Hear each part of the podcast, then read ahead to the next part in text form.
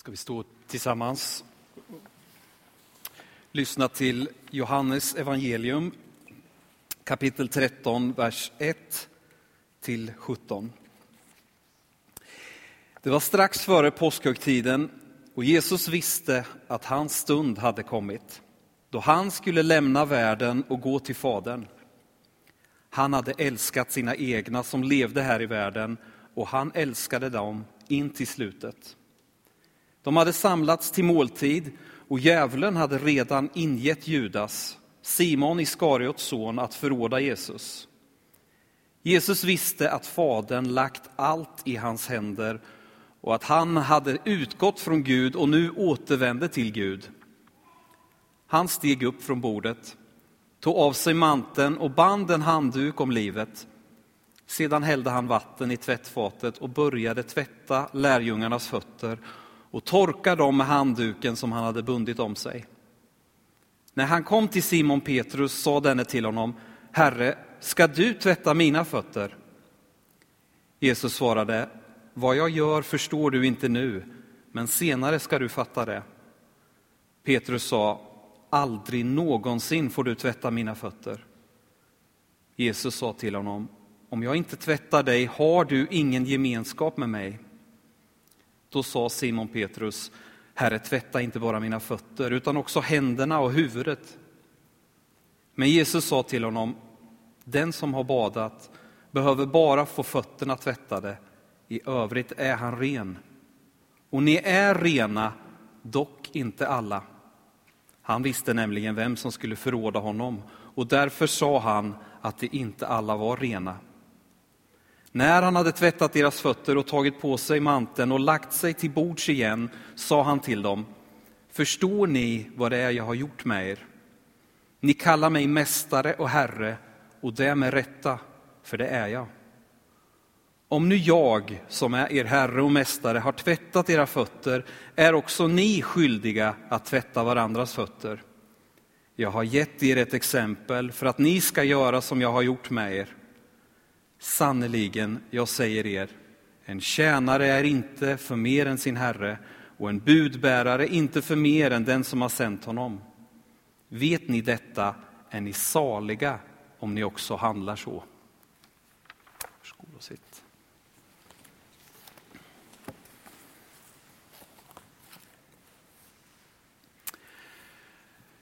Nu befann sig lärjungarna i den övre salen i Jerusalem. Och jag tror att man kan räkna med att stämningen i den här salen var förtätad. Det fanns ett djupt allvar inne i den här salen. Lärjungen Thomas, han hade sagt att när det blev klart för dem att de skulle gå mot Jerusalem så sa han, okej, okay, kom, låt oss gå och dö med honom.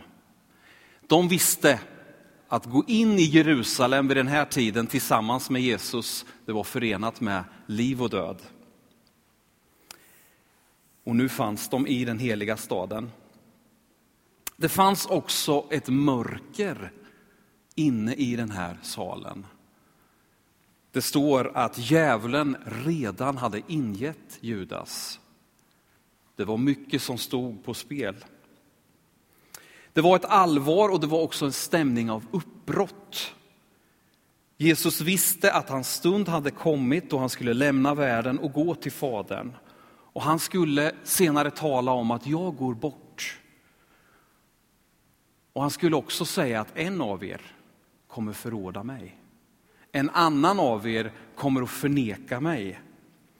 Och tillvaron för er alla kommer att hårdna. Det kommer bli så att världen kommer hata er, förfölja er.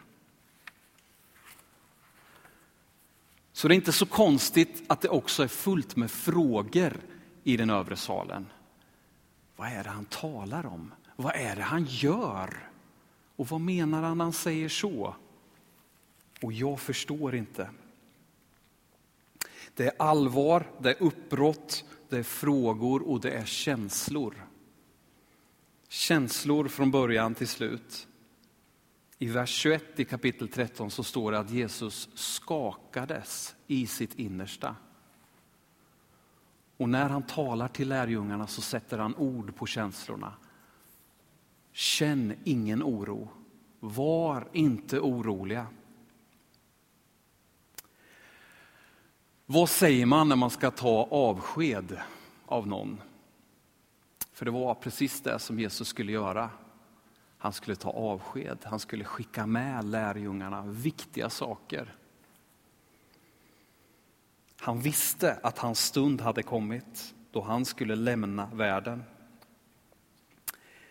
Jag tycker att det här är en ljuvlig vers i kapitel 13. Han hade älskat sina egna som levde här i världen och han älskade dem in till slutet. Den versen på något sätt summerar hela Jesu gärning. Han hade känt kärlek, inte bara till sina egna utan till hela världen.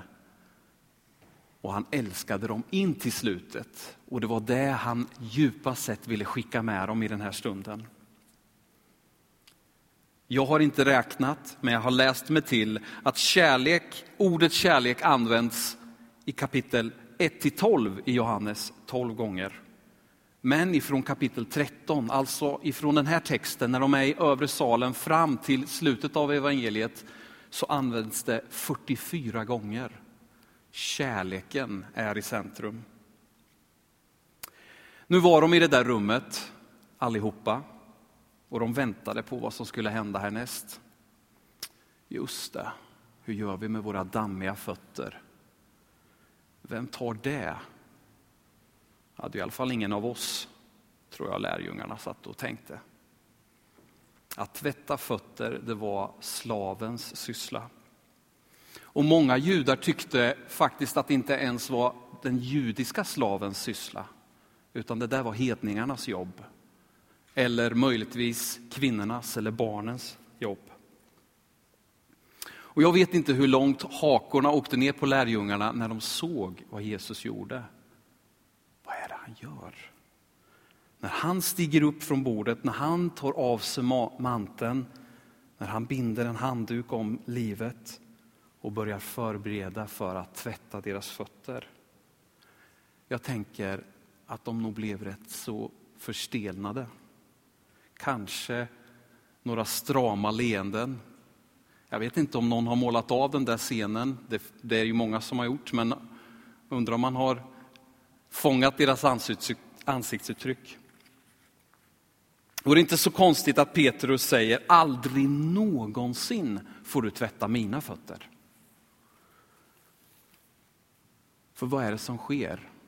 Jo, han som är högst av alla, inte bara i det här rummet, utan som Paulus skriver om honom som en dag alla knän ska böjas inför honom i himlen, på jorden och under jorden. Hans namn som står över alla namn.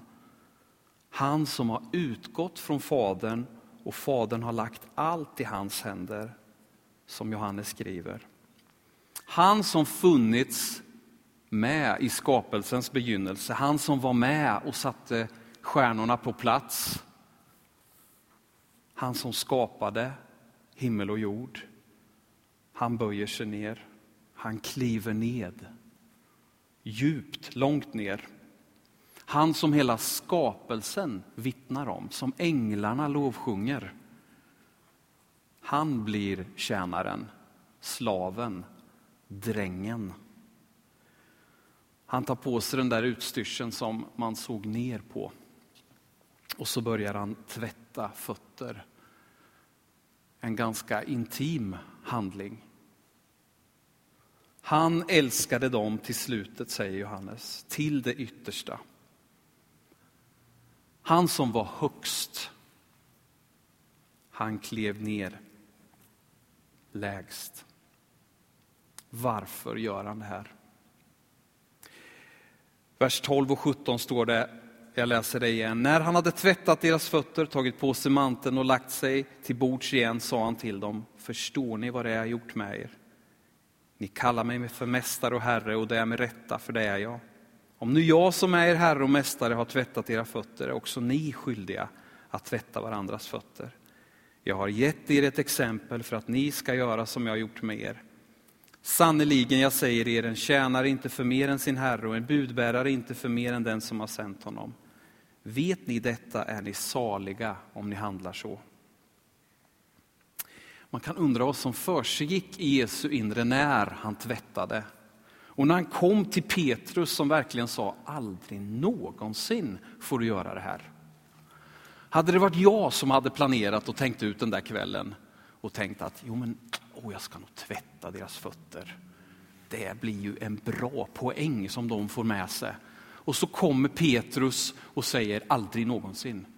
Då hade jag nog sagt, Petrus, kom igen, du sabbar hela poängen. Tillåt mig här nu att tvätta dina fötter så jag kan skicka med det här. Förstör inte det här nu, sabba inte mitt exempel. Men för Jesus handlade det ju inte om att vara pedagogisk, att få till en liksom pedagogisk knorr på sitt avskedstal. Att skicka med en god handling som de kunde minnas. Utan när han tvättade lärjungarnas fötter så visade han verkligen vem han var. Det var som att ridån öppnades och de kunde blicka in. Som de hade fått göra gång på gång i vandringen med Jesus. Men det är den här jag är. Jag är en Gud som ger ut mig själv för er. Jag älskar, jag tjänar er. Jag kliver inte in i en roll utan det här gör jag för dig, det gör jag för världen. Vi får se rakt in i Guds hjärta. I salmen För att du inte tog det gudomliga som vi ska sjunga sen, så lyder det så här, verserna. För att du inte tog det gudomliga dig till en krona, för att du valde smälek och fattigdom, vet vi vem Gud är. För att du lydde fram till det yttersta, döden på korset, vet vi vad seger, vet vi vad väldighet, vet vi vad Gud är. För att du nedsteg hit till de plågade, hit till de dömda, vet vi att ingen ensamhet finns mer. Vet vi var Gud är. Och vi skulle kunna lägga till en vers, för att du valde att göra slavens syssla. För att du, mästaren, tvättade lärjungarnas fötter, vet vi vem Gud är. Och det märkliga och förundliga och fantastiska är att Gud drar in oss i den där rörelsen. I tjänandet och utgivandet så säger han, det är här ni ska vara. Det är så här ni ska tänka. Det är så här ni ska handla. Återigen Paulus i Filipperbrevet 2. Tänk inte bara på ert eget bästa, utan också på andras. Låt det sinnelag råda hos er som också fanns hos Kristus Jesus. Och jag tänker att mer än någonsin behöver vi det där som kyrka. Att tjäna varandra. Ett sinnelag och ett handlande som driver ut tävlan och kritik mot varandra. Det som så lätt pyser ut när vi kanske är oense, när vi kanske vill tränga djupare i lärofrågor. Ja, då kan vi påminna oss om vem det är vi tillhör. Vi behöver växa till i nåd, som Petrus skriver i ett av sina brev. Växa i nåden och tjänandet. Och jag tänker att jag mer än någonsin behöver det där som pappa, som make, som vän, som arbetskamrat. Vi behöver det där sinnelaget, att tänka Kristi tankar, att våga handla som han gjorde. Och det förundliga är ju att Jesus säger att det är saligt. Det är faktiskt saligt. Det är kanske inte det ordet som vi drar till med när vi känner, oh det här var härligt, det var saligt. Eller hur är det, konfa-gänget? Saligt är inte det där vanliga ordet kanske, men sann lycka, sann djup glädje. Eller som någon sa, att vara i synk, att vara synkroniserad med Jesus, med hans rike. När vi får vara med och ge ut, när vi får vara synkade med honom, då kommer den djupaste glädjen. Vågar vi tro det? Vågar vi tro att det här upp och nervända är det djupt saliga? Vi får be om att verkligen våga gå in i den här rörelsen, smittas av den och föra det vidare. Vi ber tillsammans. Tack Herre för att vi har de här gamla texterna som vi får läsa om vad som skedde den här kvällen när du gick ner Herre och tvättade lärjungarnas fötter. Herre, tack för att du har låtit oss blicka in i det allra heligaste, vem du är Herre. Att du är fylld av kärlek och du älskar oss. Du älskade då och du älskar idag och du älskar ända in till slutet. Och Herre, jag ber om att vi ska få öppna oss för den kärleken och få ett mod som vågar följa dig, Herre. Att kliva ner, att våga tjäna. Herre, hjälp oss att vara sådana, var vi än befinner oss, skolan, arbetet. Hjälp oss som kyrka, Herre, att följa dig i det exemplet. I Jesu Kristi namn. Amen.